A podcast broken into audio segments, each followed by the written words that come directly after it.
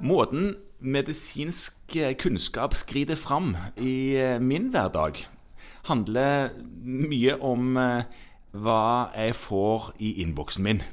Der Nå, står det- nå, nå, nå, nå, sånn bare for å presisere dette, så Ja. snakker vi nå om din medisinske kunnskap. Ja, ja, men jeg mistenker at det kan være eh, tilsvarende for andre. Jo, jo, men du tenker på en måte ikke den medisinske vitenskapen som hele.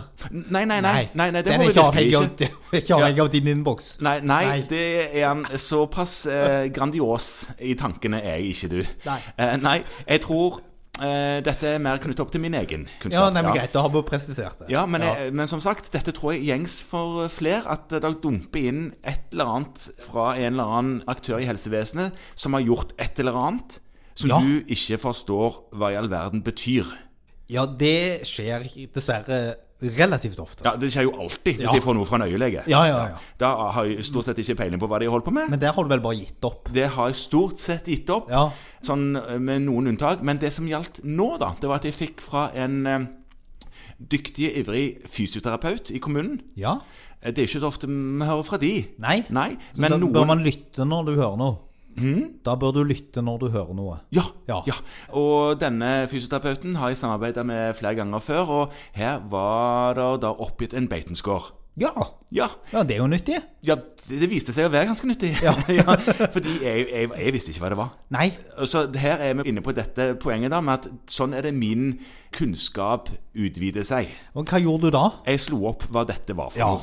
Og hva fant jeg ut da? Ja, nei, Da fant du jo ut at dette er en test for hypermobilitet. Ja, det er Ja. akkurat det jeg fant ut av. Ja. Og det er, det er faktisk litt nyttig å vite, fordi at dette spørsmålet med at du, mitt barnedoktor, jeg lurer på om han eller hun Oftest hun er hypermobilt. Ja. For det, var, det, det er jeg òg, for jeg klarer å bøye hendene sånn. Og så viser hun, og så får du sånn sabelform på armen. Eller på foten. Ja. Og så tenker en at en har Ehlers-Danlos eller et eller annet annet bindevevsykdom av den grunn.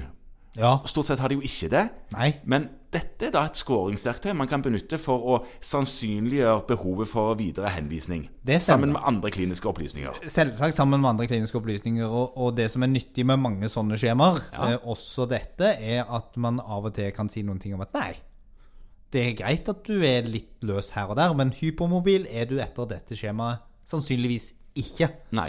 Fordi her skal man da gjøre noe som, som fastleger kanskje er litt sånn svake på. Ja. Og det gjøre systematiske tester. Ja. Ja. Ja. Ja, Eh, og Det, det, ni punkter skal man igjennom. ja, det er veldig mange punkt. Fem leddtester, men det, egentlig så er det ganske sånn logiske ting. Det er sjekk av hyperekstensjon i tomler, i albuer og i knær. Ja. Og Du redder det litt i havn da med at eh, du sa tre nå, og da har du egentlig seks punkt, sikkert. for ja, høyre ja, og ja, venstre. det er begge, begge sider. Ja. Så er det aktiv bevegelse. Det er bøyelsen der å kunne ta i gulvet med flate hender. Ja, det klarer jo jeg ikke. Jeg når knærne, kanskje, på en Ja. god dag. Ja. Det er noen veldig få som på en måte er så stive som deg. Da. Man skulle nesten trodd du var fotballspiller. ja det, nei, jeg er ikke det. Nei. Eh, sånn at eh, Vi skal ikke gå gjennom hele skjemaet, men, men poenget her er at man kan da få totalt ni poeng i dette skjemaet. Ja.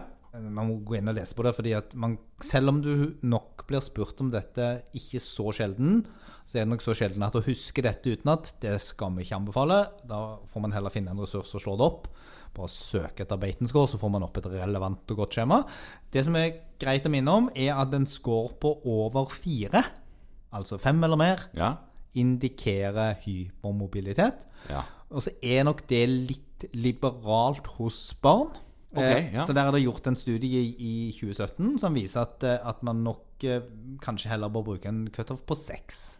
Ja, så Det betyr altså at du kan være ganske tøyelig og bøyelig både her og både der, uten at du trenger å være engstelig for at du er hypermobil. Ja. Ja, eller Men har diagnosen Men det er klart hypermobil. at har du, scorer du 8-9 på denne skalaen, så har du fått ekstra ammunisjon i din søknad om å utrede videre for at dette er en, en eller annen tilstand som gir hypermobilitet. Ja. Og, og da har du objektivisert det, og det er alltid nyttig. Ja, det er veldig veldig nyttig. Så det, det, Der lærte jeg noe nytt. Ja, der òg. Det er jo ikke fantastisk at man kan lære noe nytt hver dag. Ja. Mm.